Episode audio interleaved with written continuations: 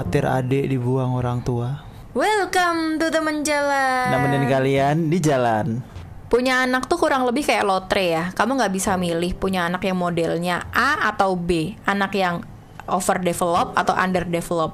Dan kalau misalnya kamu udah punya anak yang ternyata jauh di bawah standar yang kamu harapin, terus gimana? Mau dibuang? Adikku baru ngasih tahu aku kalau orang tua kami bilang bahwa mereka nyesel punya dia. Itu close to home. Aku cowok 20 tahun, punya adik perempuan umur 6 tahun. Dan dia selalu bareng sama aku setiap kali aku lagi di rumah. Kemarin aku lagi main video games dan dia masuk ke kamarku sambil nangis. Aku nanya ke dia, ada apa? Dia bilang kalau orang tua kami baru aja bilang ke dia kalau mereka nyesel punya dia. Aku nyamperin ortuku karena hal itu dan mereka bilang kalau mereka nganggap adikku tuh sangat ngeselin banget. Dan kalau aja mereka tahu dia bakal kayak gitu, mereka harusnya gugurin aja. Bagian yang paling bikin aku kesel adalah alasan mereka berpikir kalau adikku ngeselin, yaitu alasannya karena adikku lambat secara mental dan sering nggak ngerti hal-hal tertentu. Akhirnya kita bertengkar, dan setelah itu adikku nggak mau lagi ninggalin aku. Mereka mau aku keluar dari rumah dalam dua bulan, tapi aku nggak tahu gimana nanti adikku bakal ngadepin kalau aku nggak ada di sekitarnya buat ngibur dia. Aku jadi khawatir banget buat ninggalin dia karena ngelihat cara dia diperlakukan. Apa yang harus aku lakuin? Anjir serem banget kok tiba-tiba diusir gini sih. Ini ini celat-celat child free. Nggak kayaknya nggak diusir kan dia umur 20 udah. Adiknya? Adiknya umur 6. Dianya yang umur 20 ini udah waktunya keluar dari rumah kan. Iya. Ya udah. Oh, dia mau keluar dari rumah tapi adanya bakal ditinggal di situ. Iya, makanya dia Oke, oke, bingung oke. gimana, kasihan adiknya. Iya sih, berat banget. Kalau masalah nggak diinginkan gitu, enaknya sih aku dengernya tuh waktu aku umurnya udah 30. Mm-mm. Terus aku nanya, terus katanya iya nggak pengen kayak gitu kan.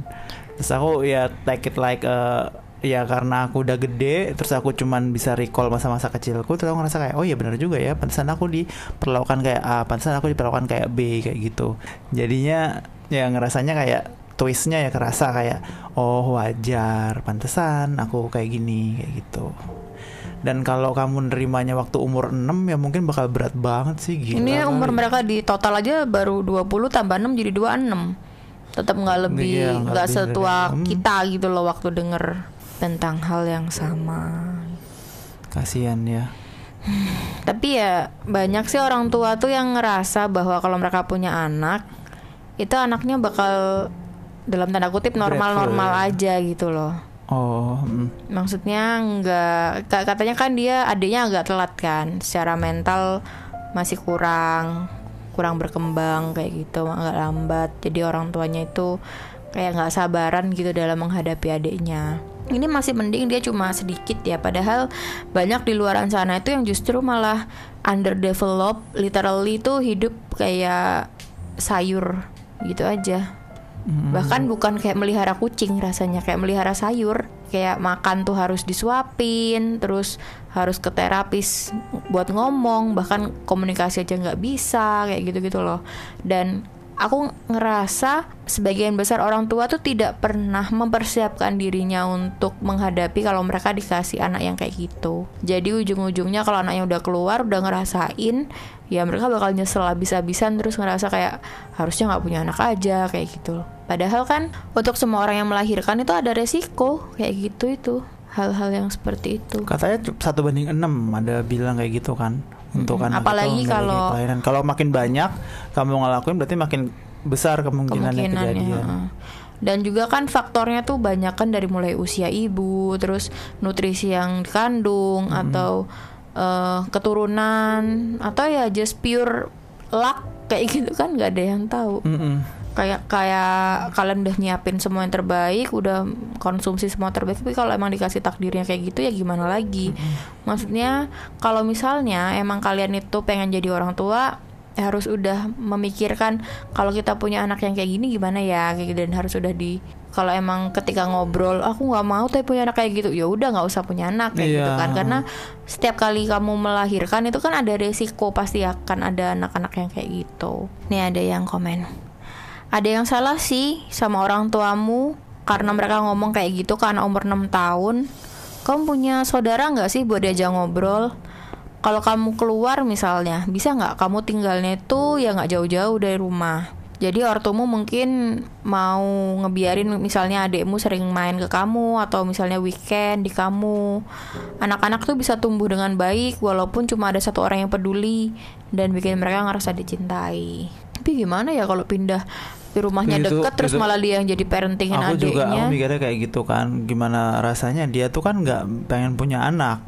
Dia kan masih umur 20, 20, tahun gitu uh, nggak jadi seharusnya dia, bukan dia yang memutus bukan dia yang memutuskan punya anak Iya. itu kan dan itu yang keputusan punya Sebenarnya anak itu. sih yang perlu ya tetap orang tuanya yang di gimana cara diselesaikan gitu loh sama orang Iya. tuanya. Mungkin diajak konseling atau malah dilaporin ke child service biar mereka ditegur misalnya. Karena punya anak yang dalam tanda kutip secara mentalnya dia nggak nggak nggak advance gitu ya atau kurang setara sama anak-anak yang seumuran itu tetap kewajibannya orang tuanya nggak sih? Buat Pasti membiayai ke eh, terapis atau harus diikut-ikutin kelas-kelas tertentu. Tapi kerasa nggak sih Jem zaman sekarang ini eh, setelah era era media sosial Mm-mm. kayak YouTube itu kan anak-anak yang usia 6 tahun kayak dia ini Mm-mm. itu rata-rata kan ketagihan YouTube kan Mm-mm. dan gara-gara ketagihan YouTube-nya itu Mm-mm. bikin mereka itu Underdeveloped. underdeveloped Dalam Jadi lebih sosialnya. banyak mengkonsumsi kan matanya tuh harus Ah. terus-terusan ngelihat sesuatu yang bergerak atau ngedengerin suara terus-terusan. Tapi mereka yang nggak bisa menyampaikan pakai mulutnya mereka buat ngomong kayak gitu. Iya banyak. kalau kalau nonton kita tontonan yang adik-adik kita kayak Iya. adikmu adikku gitu kan seumur kan mereka nontonnya Dora kan dan di Dora itu emang kayak orang gak jelas sih nanya di Iya. mana ada di mana kayak gitu Tapi kan. ternyata tuh bagus Ternyata ya bagus. karena Jadi, dia minta feedback uh, dari yang dua, nonton. dua arah waktu itu waktu kecil aja aku marahin kan adikku eh jawab tuh ditanyain sama Doranya Mm. di sana Teletubbies kan juga kayak Teletubbies gitu. juga gitu. Halo, kayak gitu kan Hmm. nih apa gitu. Tapi kalau sekarang tuh lebih banyak tuh yang ben- konten yang benar-benar konten. Iya. Jadi no- nonton si anak nih main atau Hmm. nonton si youtuber ini jalan-jalan dan itu nggak nggak ada kalau dua arah. kalau misalnya ada orang yang kepikiran untuk bikin konten dua arah, uh yakin aku, yakin banget bakal bisa booming. Kayak beneran nanya kabar, eh kamu lagi ngapain di rumah kayak gitu. Ini aku lagi di sini kayak gitu gitu kan misalnya kan. Terus kayak di mana di mana kayak Blues Clues aja juga ngasih metode yang sama kan Iya, untuk kayak gitu. Jadi kayak Blues Clues, Dora dan Diego plus Teletubbies itu zaman-zaman itu tuh walaupun kita tuh konsumsinya cuman TV doang kayak kayak orang bego kan melekin TV gitu tapi nggak melekin TV doang kita sambil ngobrol sama karakter Tapi ya kamu nggak bisa membandingkan sesuatu yang dibikin sama korporat sama sesuatu yang bikin dibikin sama individu ya individu orang-orang bijian gitu yang jumlahnya jauh lebih banyak daripada korporat. Kalau dulu itu cuma beberapa kan Nickelodeon like literally dia yang menguasai semuanya kan. Cuma satu korporat itu atau apa sama Disney mungkin atau apa gitu ya cuma beberapa aja. Tapi kalau sekarang kamu masa bisa meregulasi seluruh YouTuber di seluruh dunia iya, nggak bisa gitu. meregulasi tapi uh, Iya, bukan meregulasi orang tuanya se. orang tuanya sendiri itu nggak bisa nemuin konten yang kayak gitu gitu loh karena nyari-nyari konten ya yang aktif bisa gitu kalau kan. bisa di TV problemnya kan kalau handphone masalahnya adalah dia kan portable bisa dibawa ke mana-mana.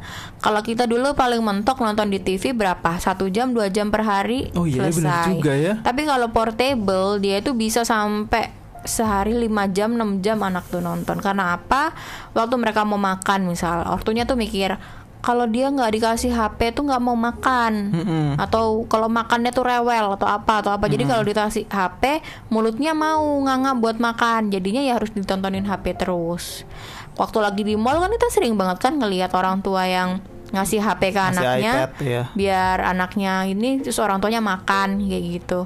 Dan aku juga sering ngelihat eh, kondisi yang sama di rumah gitu. Bayangin anak itu makan sehari berapa lama durasinya nah terus selain itu juga durasi ketika nggak makan misalnya anaknya rewel atau apa langsung ditunjukin HP tunjukin HP kamu aja eh, ada saudara saudara yang masih kecil itu kan kayak sehari itu sampai eh, anggap dia hidupnya tuh 18 jam per hari Mm-mm. 16 jam dia nonton HP nggak sih Iya. dan kalau misalnya dimatikan itu laptop YouTube-nya itu atau Iya. HP-nya ngamuk kan Hmm. dan orang tua tuh benar-benar nggak ada kontrol kan di situ maksudnya Nggak mau mengontrol kayak gitu loh padahal kan usia-usia segitu harusnya lebih banyak hubungannya sama eh, Manusia juga. manusia normal gitu kan yang ada di sekitarnya dia bukan konten bergerak sampai matanya aja kayak kayak Lazy juling eyes, ya. juling terus nggak bisa ngelihat fokus gitu kan dan developmentnya juga kurang Mm-mm. ya negatifnya dari anak-anak yang eh, nonton layar terus-terusan tuh karena mereka distimulus terus kan jadi ngeliat dunia nyata tuh ngeliat Boring. Bosan. iya boring banget kan ngeliat ada kasur diem doang kasurnya Hmm. meja diem doang eh, lemari diem Sedangkan doang konten yang kalau dia ngelihat HP itu kan kayak gerak terus tap tap tap iya tap, terus terusan bahkan nggak gitu ada ya. istirahatnya sama Iya. sekali gitu jadi matanya tuh terus terusan nyari stimulus gitu Hmm. dan juga suara nih aku tahu beberapa orang sih yang bahkan ke kamar mandi pun tuh nggak bisa ke kamar mandi karena terlalu sepi Hmm. jadi harus nyalain video nyalain musik nyalain apa kayak gitu dan ngelakuin apa pun semua yang lain juga harus selalu nyalain terus karena ada perasaan kalau ketika dimatikan kayak kesepian kayak gitu rasanya Ah, aku juga tahu ada orang yang kalau mau tidur pun harus nyetel TV. Iya. Karena sepi. harus dinyalain terus Padahal enakan sepi kan kalau mau tidur. Padahal kan ya kalau ada deep suara gangguan kayak gitu nggak bisa deep sleep nanti. Nah ini ada komen lagi nih. Aku ada di situasi yang sama nih. Aku juga orang yang kayak gini buat saudaraku. Umurku 20 tahun, tapi udah ngelakuin hal ini selama bertahun-tahun dan benar-benar nggak ada yang lebih melelahkan dan menyedihkan sih. Belum lagi hal itu benar-benar bisa mempengaruhi kehidupan sosial dan kehidupan pacaranmu. Itu bikin kamu jadi lebih tua, Padahal kamu benar-benar masih muda. Ya, jadi lebih tua dari um- seharusnya kan karena harus mikirin soal keberlangsungan hidupnya adiknya Iya. kan. Padahal harusnya yang paling mikir kan Siapa orang yang mikirin? tuanya. Tapi nggak bisa untuk nutup Untuk hati gak peduli kayak gitu, kan. Karena itu kan di adikmu sendiri kan kamu tahu dia anak yang lovely dan kamu pengennya dia bahagia gitu kan. Hmm. Nih, dia yang bilang, aku umur 30 tahun dan sejujurnya aku belum benar-benar pulih dari hal itu. Kedengarannya lebay ya, tapi sampai sekarang tuh aku masih harus terapi dan juga aku ngerasa disab disabilityku juga masih belum selesai ya aku masih berusaha. Kayaknya dia ini yang dari posisi adiknya, Adiknya, ya. hmm. Anak-anak yang terlahir tidak sesuai dengan ekspektasi orang tua. Mm-mm. Ini justru jauh lebih sulit loh daripada anak-anak yang tidak bisa memenuhi ekspektasi.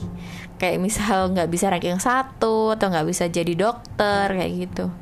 Karena apa? Ranking satu dan dokter tuh paling enggak sebenarnya kan masih bisa dikejar kayak gitu kan. Iya. Tapi kalau terlahir dengan keterbatasan mental kayak gini kan kayak dia nggak bisa milih gitu loh.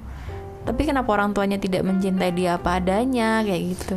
Kan untuk itu tuh aku kenapa mikirnya kayak harusnya unconditional kan cintanya orang tua ke anak harusnya unconditional. Kayak anaknya tuh ngapain apa gimana. Orang tuanya tuh harus mencintai ya. Bukan berarti kayak ngebelain juga kalau salah aja cuman menuntut untuk mencintai aja kayak gitu. Tapi ternyata enggak. Eh, tetap bisa kesel terus bilang nggak pengen punya anaknya kayak kayak sadis banget gitu loh ngerasanya. Tapi aneh sih kalau udah punya anak umur 20 tahun terus kamu punya anak umur 6 tahun lagi kayak yang tadinya kamu sudah terbiasa banget sama well developed human being, adult human being. Terus balik lagi harus ngerawat bocil dari yang benar-benar nggak bisa ngapa-ngapain berarti kan lagi. waktu anak ini umur 14 kan Iya. Kemungkinan emang kangen ngerawat lagi Kayaknya kayak gitu 14 kan udah hampir-hampir autopilot nggak sih? Iya, tapi kan jadinya dia eh, nggak terbiasa lagi gitu loh untuk ngerawat dari nol. Padahal yang gede kan udah mandiri. Iya udah mandiri Jadinya bisa jadi dia tuh apa ya kayak auto ya tuh ngerasa anak kecil ini mestinya juga mandiri juga kayak gitu Bisa loh. jadi, bisa Jadi jadi kayak nggak sabaran, nggak Ah, mau ah, bener-bener ah, ah. Ngajarin. kayak kayak aku biasa ngobrol sama kamu gitu kan. Iya, kayak Terus tiba-tiba ada anak kecil. Aku anggapnya kayak anak kecil ini harusnya bisa sepinter kamu kayak gitu. Padahal kan mustahil kayak gitu kan. Sebenarnya ya bukan anak kecil juga sih. Kalau anak kecil tuh justru lucu kan.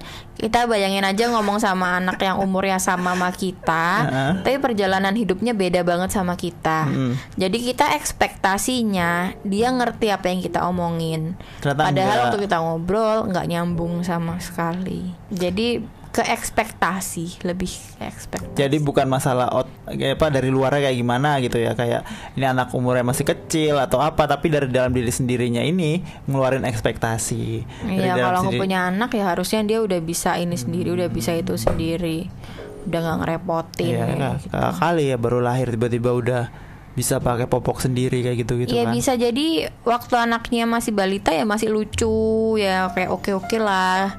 Tapi udah masuk umur 6 tahun kan udah otonomi diri sendiri kan. Mm-mm. Jadinya ya itu usia-usia agak sulit sih karena dia udah kelihatan gede nih.